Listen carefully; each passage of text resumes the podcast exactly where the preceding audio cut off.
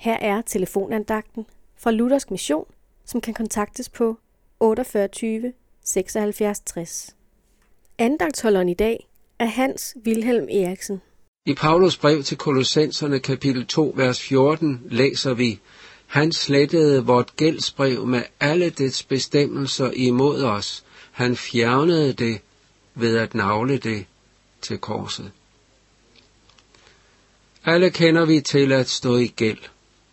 For nogle er gæld overskuelig, for andre kan gæld være en uoverskuelig byrde.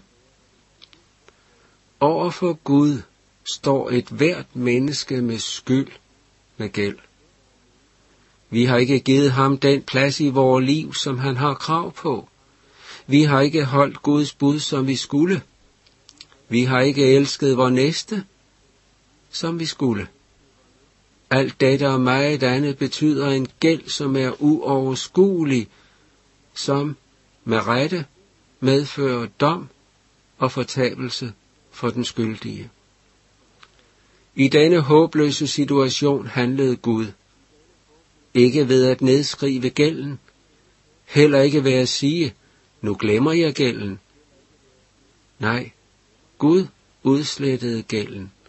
Hvordan?